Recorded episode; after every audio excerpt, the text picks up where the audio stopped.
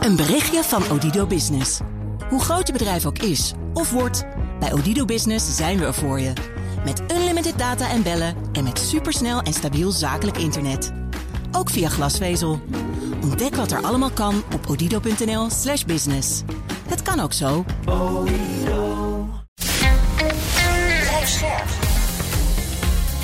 BNR Nieuwsradio. De nieuwe wereld. Annette van Soest. Huurtoeslag, kinderopvangtoeslag, zorgtoeslag. Het Nederlandse toeslagenstelsel is uitgebreid en complex. En hoe afhankelijker je bent van al die verschillende toeslagen, hoe ingewikkelder het wordt. Daarom zijn er mensen die er wel recht op hebben, die niet eens meer een toeslag aanvragen. Niet alleen omdat ze verdwalen in alle regelingen, ook vanwege het risico op hoge terugvorderingen. En dat alles levert een hoop financiële stress op. Hoe komt het dat ons toeslagenstelsel zo complex is? En hoe ontwar je die kluwen weer? Wat als we alle toeslagen afschaffen? Ja, toeslagen. Ook het kabinet wil er vanaf. We hebben de ambitie om de toeslagen af te schaffen, zo staat in het coalitieakkoord. Maar ja, dat is gemakkelijker gezegd dan gedaan. Je hoort Leendert Beekman, politiek verslaggever van BNR. Ja, het uh, is allemaal heel lastig, blijkt in politiek Den Haag. In het regeerakkoord natuurlijk mooie ambities. Alle toeslagen afschaffen. Uh, het kabinet beseft zich ook wel dat dat niet in één keer kan. Alleen maar om het feit dat het onuitvoerbaar is. De Belastingdienst is al, ja, dus hebben het daar al zo druk. Maar wat er nu in de stijger staat, daar gaat het nog helemaal niet zo goed mee. Bijvoorbeeld het afschaffen van de kinderopvangtoeslag. Kinderopvang moet gratis worden in 2025. En uh, ja, het idee is dus om ervoor te zorgen dat je niet nog een keertje iets creëert zoals bij de kinderopvangtoeslagaffaire. En de kinderopvang moet gratis worden, zodat mensen aan de onderkant van de samenleving daarvan gaan profiteren. Maar er worden daar grote vraagtekens bij gesteld of dat daadwerkelijk gaat gebeuren. En hoe komt dat nou? Omdat vooral de hoge inkomens waarschijnlijk gaan profiteren. Op het moment dat het gratis wordt, komt er een maximum uurtarief. Veel kinderopvanglocaties gaan waarschijnlijk dat tarief iets verhogen. En dat moet je zelf betalen. En de angst is dat juist de mensen aan de onderkant van de samenleving daar de dupe van gaan worden. Ja, dus dat is nog niet zo simpel om uh, zo'n toeslag dan helemaal af te schaffen. Hoe zit het met de huurtoeslag? Want die wordt niet helemaal afgeschaft, maar die gaat eerst versimpeld worden. Ja, die gaat versimpeld worden. En het idee is dan dat er één bedrag komt. Hè, dat je niet wordt nu gekeken naar je inkomen en naar de, huurprijs. Nou, er komt nu een standaardhuur van 520 euro. Nou, dat voorstel is bij de Raad van State getoetst. En zij zeggen. Wat je ermee wil bereiken, dat lukt niet. Want waarschijnlijk gaat een overgroot deel zelfs meer betalen. Dus ook daar, zoals Hugo de Jong het zou zeggen, hebben ze de wind tegen. Onvrede met het huidige toeslagenstelsel, Leendert, dat leeft al veel langer. In 2019 deden verschillende economen een oproep om het stelsel te versimpelen. Nu is het kabinet daar dus echt mee bezig, maar het schiet maar niet op. Waarom gaan hervormingen zo langzaam? Nou ja, een heel simpel antwoord is dat de Belastingdienst gewoon overbelast is. En je hebt eigenlijk met twee krachten heb je te maken. Op het moment dat je van de toeslagen af wil, moet je er ook voor zorgen dat de mensen die er nu afhankelijk van zijn, dat zij daadwerkelijk genoeg inkomen hebben om die toeslagen niet nodig te hebben. En we hebben het rapport Borstlab gehad. Hij zegt ook. Eh, Hans Borstlap stopt met die toeslagen, maar zorgt er dan wel voor dat alle lonen omhoog gaan en fors omhoog. En nou heeft het kabinet wel het minimumloon verhoogd, maar dat is nog niet genoeg voor mensen om niet meer afhankelijk te zijn van die toeslagen. Dus op het moment dat je aan die knoppen van de toeslagen wil gaan draaien, dan moet je ook aan de knoppen van de inkomens gaan draaien. Nou, en dan heb je er nog in Den Haag het instrument van herverdelen. Want de inkomens, daar gaan uiteindelijk, je kan wel een minimumloon verhogen. Maar de inkomens gaan uiteindelijk gaan de werkgevers gaan daarover. En dan kan je in Den Haag gaan herverdelen. Ja, en daar worden de politieke partijen het niet over eens. Iedereen zegt, ja, werken moet meer lonen. Maar op het moment dat je dan vraagt van ja, maar hoe gaan we dat betalen? En dan zeggen de linkse partijen, inclusief D66, we gaan vermogen gaan we extra belasten. En dat moet ten goede komen voor mensen, de werkende mensen. Kortom, um, zoals, het dan, zoals het dan vaak gezegd wordt, uh, je wordt in Nederland slapend arm, uh, rijk en uh, werkend arm. Daar moet iets aan veranderen. Ehm, maar dan moet je wel als Kamer het erover eens worden hoe je die belastingen, hoe je dat eerlijker gaat verdelen. En ja, dat is een hele lastige discussie in Den Haag. Speelt ook nog mee dat de toeslagen verdeeld zijn over verschillende ministers. De zorgtoeslag die ligt bij minister Kuipers, huurtoeslag bij minister De Jonge. Die versnippering en die gedeelde verantwoordelijkheid, is dat ook nog een, een extra hobbel? Ja, dat is zeker een extra robbel. Er is ook al eens een keertje is daar een brief over naar buiten gekomen. waarin gezegd wordt: uh, ja, het feit dat elk ministerie op, nou niet helemaal op eigen houtje, maar zijn eigen plannen aan het maken is. Dat betekent wel dat ze elkaar ook in de weg zitten. Dus Aukje de Vries, staatssecretaris voor douane en toeslagen. Zij moet eigenlijk ervoor zorgen, zij is bezig om nu ervoor te zorgen dat de uitvoering van die toeslagen en ook de hervormingen, dat zij daar wat meer grip op gaat krijgen.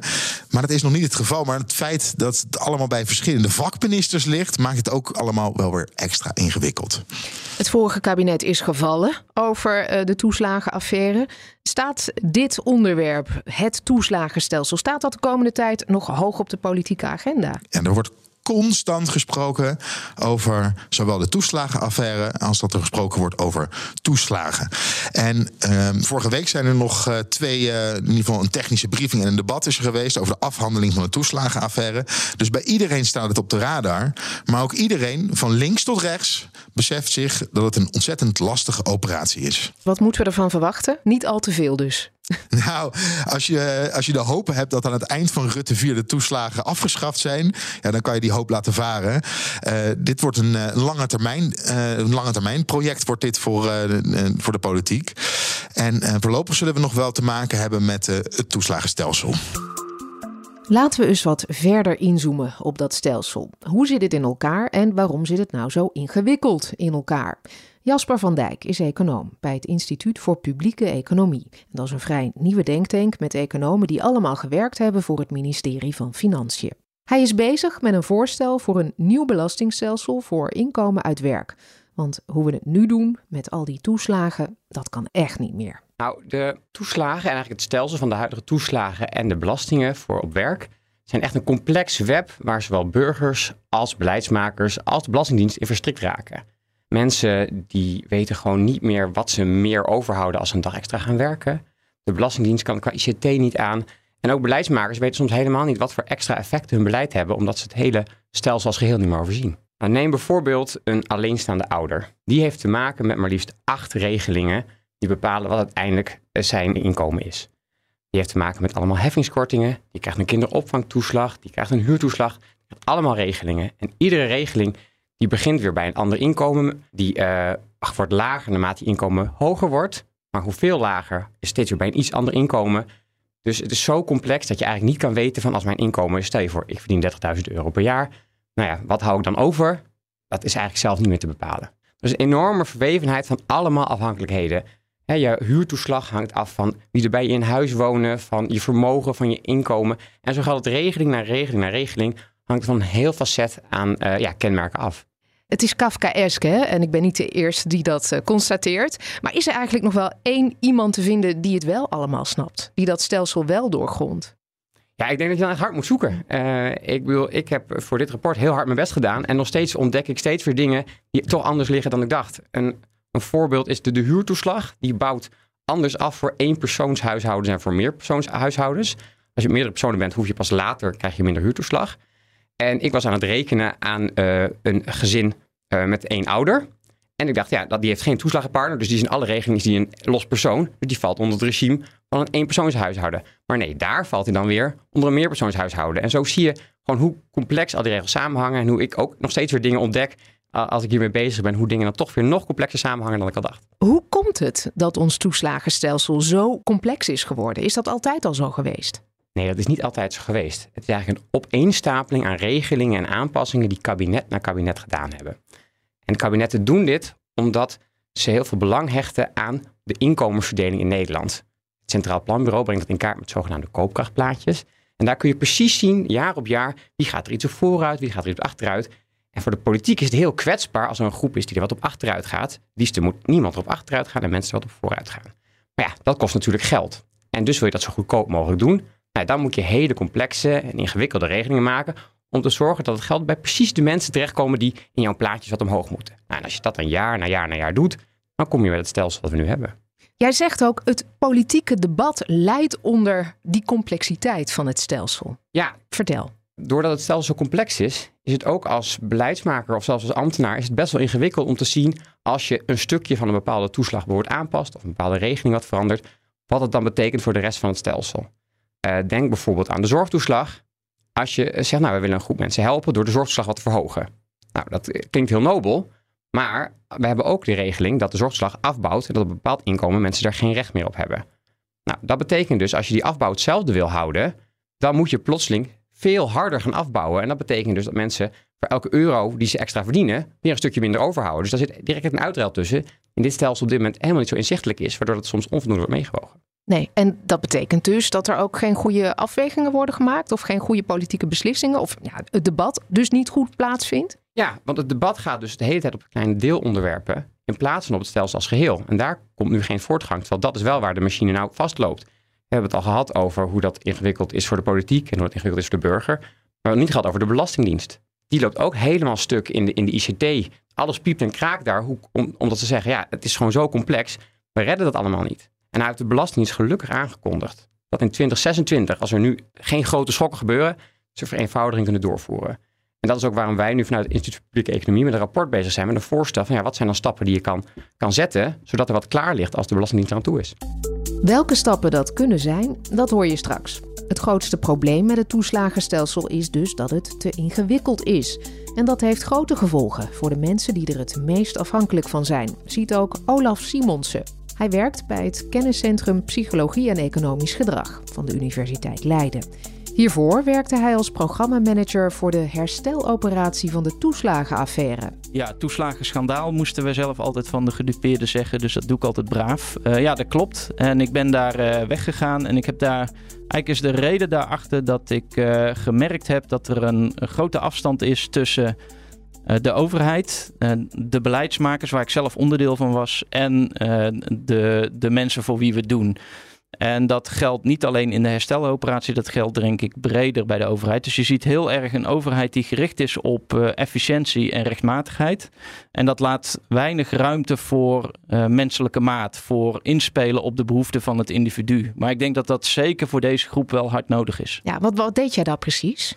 Ja, mijn rol was om te zorgen dat uh, de gedupeerden van het toeslagenschandaal um, een nieuwe start konden maken, verder konden met hun leven, dat ze ook um, uh, emotioneel herstel uh, kregen. Um, uh, alleen ik heb gemerkt dat dat heel erg tegengehouden werd door wat ik net zei. Het systeem is heel erg ingericht op uh, rechtmatigheid en efficiëntie. En in zo'n geval, uh, zeker als je het hebt over emotioneel herstel, dan moet de behoefte van het individu centraal staan. En ja. daar heb ik een enorme spanning tussen gemerkt. Daar liep je stuk op. Ja, dat is wel de reden dat ik uiteindelijk weg ben gegaan. Ja. Nu doet Simonsen onderzoek naar waarom mensen die er wel recht op hebben, geen gebruik maken van sociale voorzieningen zoals toeslagen. Ja, dus een, een, een hele batterij aan re redenen waarom mensen geen gebruik maken van, uh, van toeslagen en andere voorzieningen. Um, maar als je kijkt naar de groep die het het hardst nodig heeft, dus de mensen die in een financieel kwetsbare positie zitten, omdat ze een laag of een fluctuerend inkomen hebben, dan is daar uh, de grootste reden eigenlijk uh, terugvorderingen. Dus mensen die een keer met een terugvordering te maken hebben gehad, uh, zeker als het een grote terugvordering is, die besluiten daarna om geen toeslag meer aan te vragen. omdat ze bang zijn dat ze in de toekomst dat weer terug moeten betalen. Ja, dit is een terechte vrees toch? Want um, mensen met een laag inkomen, jij noemt het laag fluctuerend inkomen, ja. Die moeten ook het vaakst een toeslag terugbetalen. Uh, ja, dat klopt. En zeker dat fluctuerende speelt daarbij een rol. Dus op het moment dat je bijvoorbeeld een ZZP'er bent met een klein inkomen, dan weet je vaak van tevoren niet zo goed wat je gaat verdienen in een jaar. Dus je maakt een inschatting. Ja, als je inkomen dan uh, toeneemt en je denkt er niet aan van, oh, ik moet mijn toeslag aanpassen, dan krijg je aan het eind van het jaar of het begin van het volgend jaar uh, met een uh, mogelijk best wel grote terugvordering te maken. En de, de verhalen die ik heb gehoord, dat ging ook echt over mensen die dat hadden meegemaakt. Dus het is niet zo dat mensen er bang van zijn omdat ze erover gehoord hebben van anderen, maar omdat ze het zelf hebben meegemaakt. Dus mensen die een keer een grote terugvordering hebben gekregen zelf. Uh, van zeg even 1500 euro. Die verhalen heb ik echt gehoord. Die uh, denken daarna, nou ja, een toeslag is kennelijk een schuld. Dus dat hoef ik niet. Die zorgen er wel voor dat ze niet twee keer hun vingers Precies. branden. Um, jij bent gespecialiseerd in financiële stress. Ja, dat zou je zo kunnen zeggen. Ja. Wat is dat? Nou, financiële stress uh, is het gevoel dat je te weinig geld hebt om de dingen te kopen die je nodig hebt. Um, en dus het is een, een subjectief, subjectieve ervaring, zoals stress eigenlijk altijd een subjectieve ervaring uh, is. En het gaat gepaard met een gevoel dat je geen controle hebt over je geld. Uh, dus die twee aspecten, te weinig geld hebben en geen controle hebben, dat is eigenlijk de essentie van, uh, van financiële stress. En dat zorgt voor een heleboel ellendige gevolgen. In de eerste plaats uh, heeft het effect op op je gedrag, op je manier van denken. Um, je gaat je veel meer op de korte termijn richten. Je bent vooral bezig met kan ik deze week de boodschappen nog betalen en niet met uh, kan ik over 15 jaar wel met pensioen. Je bent echt met het hier en nu bezig, wat natuurlijk logisch is. Maar financiële stress um, zorgt ervoor dat je hoofd zo vol zit met uh, je zorgen over geld dat je ook geen ruimte in je hoofd hebt voor andere dingen. Uh, dus je ziet ook dat mensen met financiële stress um, ja, moeite hebben om uh, ingewikkelde teksten te lezen, laat staan uh, uh, ingewikkelde aanvraagformulieren in te vullen. dus daar is wel een wisselwerking. Veroorzaakt het toeslagenstelsel ook financiële stress? Ja, voor de mensen die, die echt van een laag inkomen moeten rondkomen, heb ik dat in de gesprekken die ik heb gevoerd met deze mensen wel vaak gehoord. Dat waar toeslagen natuurlijk eigenlijk bedoeld zijn om de financiële stress te verminderen. Voor een bepaalde groep het de financiële stress verhoogt. Omdat ze niet weten, oh, moet ik het ooit terugbetalen? Um, uh, ja, doe ik het wel goed? Uh, moet ik wijzigingen wel doorgeven? Dat zit dan continu in je hoofd. Maar los je al deze problemen op als je alle toeslagen afschaft? Terug naar Jasper van Dijk. Stel nou, we zouden beslissen... vanaf morgen schaffen we alle toeslagen per direct af. Wat gebeurt er dan? we bevrijden onszelf uit dat complexe web. Dat is heel positief. Maar aan de andere kant, er is een, echt een kwetsbare groep die er dan enorm op achteruit gaat. En dat kun je niet zomaar doen. Dus je moet wel met een alternatief komen voor die toeslagen. En dan kun je denken aan gewoon een grote versimpeling. Bijvoorbeeld je zegt, nou, we gaan uh, het aantal regelingen verminderen. We gaan bijvoorbeeld toe naar maar één toeslag. En we gaan ook het aantal voorwaarden heel erg terugbrengen. We zeggen, nou, die toeslag die hangt dan niet meer af van je inkomen. Die hangt niet meer af van allemaal complexe factoren, maar gewoon je hebt een gezin of een huishouden. We kijken hoeveel mensen wonen daar, hoeveel kinderen wonen daar. En op basis daarvan krijg je een vast bedrag per maand. En dat is het. Heb je natuurlijk als effect dat rijkere mensen die toeslag ook gaan krijgen. En dat voelt natuurlijk heel oneerlijk. En daarom bouwen we nu ook af. Maar dat zou je kunnen ondervangen door ook aan de kant van de belastingen wat te doen. Door gewoon meer belasting te gaan heffen bij deze rijkere mensen. Dat je, van de belastingen zijn nu al afhankelijk van je inkomen. Dus dat maakt het een stuk simpeler. Als je gewoon al die inkomensafhankelijkheid aan de belastingkant houdt. En dan een veel simpeler stelsel krijgt aan de toeslagenkant. Kijkend naar de pogingen van Den Haag om te snoeien in de toeslagen, vindt Van Dijk het trouwens best bijzonder dat de kinderopvangtoeslag als eerste aan de beurt is. Aan de ene kant is het heel erg logisch, want de kinderopvangtoeslag is echt de grootste toeslag die we hebben. Daar gaan de grootste bedragen in om. Dus logisch dat je die als eerste eenvoudiger wil maken. Maar dit is ook een uitzonderlijke, omdat dit een regeling is waarbij uh, nou ja, dat inkomen ook een inhoudelijke rol speelt. Bij al die andere toeslagen, die hangen alleen maar af van het inkomen, omdat je geld wil herverdelen van rijke mensen naar arme mensen. Bij de kinderopvangtoeslag is het zo dat kinderen die in een ontwikkelarme omgeving opgroeien, en dat zijn vaak helaas kinderen met ouders met een lager inkomen, hebben meer baat bij die kinderopvang. En dus zou je eigenlijk bij die groep extra willen stimuleren dat die kinderen naar de opvang gaan.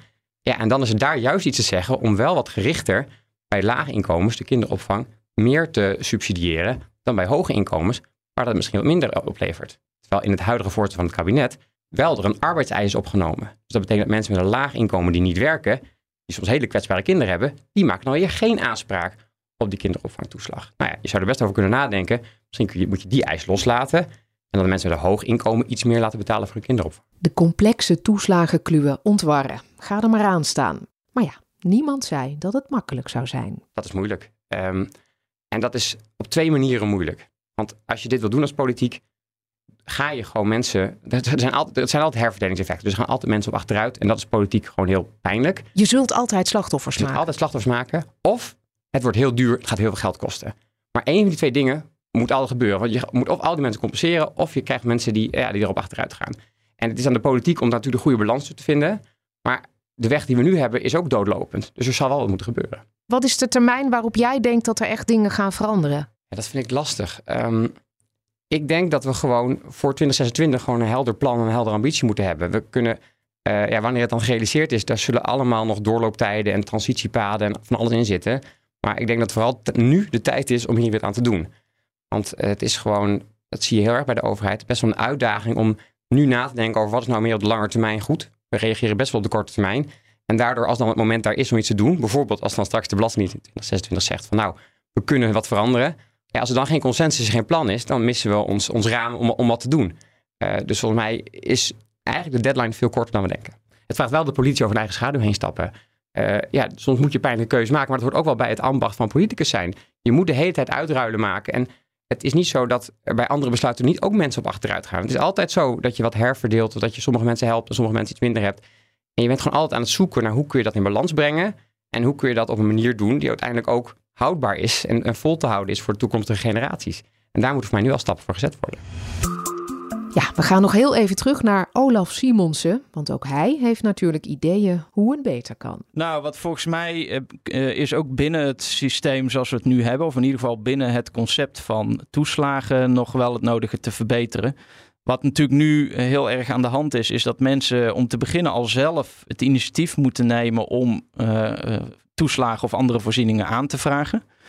Uh, nou, dat zou je ook anders kunnen doen. Je zou ook uh, vanuit wat je over mensen weet uh, zelf kunnen bedenken. Nou, misschien hebben mensen wel recht op toeslagen en misschien kunnen we ze stimuleren om zo'n toeslag aan te vragen. En als ze daar hulp bij nodig hebben, dat ook bieden. Dat blijkt ook in de in realiteit blijkt dat ook te werken. Dus mensen die je actief wijst op hun recht op toeslagen, die zullen het vaker aanvragen. Want naast de reden die ik al noemde, is ook onbekendheid of het de notie dat je er geen recht op hebt ook een belangrijke reden voor mensen waarom ze geen uh, toeslagen aanvragen. Ja. Dus het initiatief uh, minder bij de burger en meer bij de overheid leggen zou een onderdeel uh, kunnen zijn. En daarnaast het systeem drastisch versimpelen. En zorgen dat je gebruik maakt van de gegevens die je al over iemand hebt. Om uh, het aanvragen ook zo makkelijk mogelijk te maken.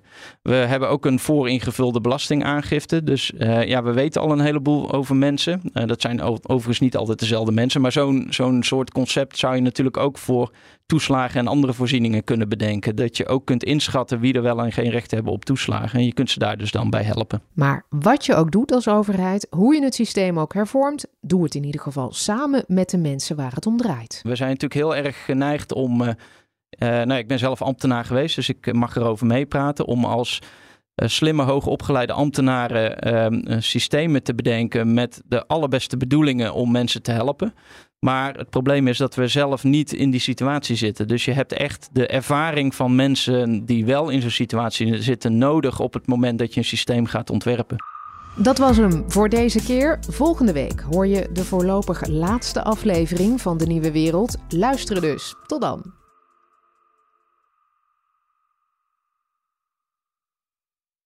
Een berichtje van Odido Business. Hoe groot je bedrijf ook is of wordt, bij Odido Business zijn we er voor je. Met unlimited data en bellen en met supersnel en stabiel zakelijk internet. Ook via glasvezel. Ontdek wat er allemaal kan op odido.nl/slash business. Het kan ook zo.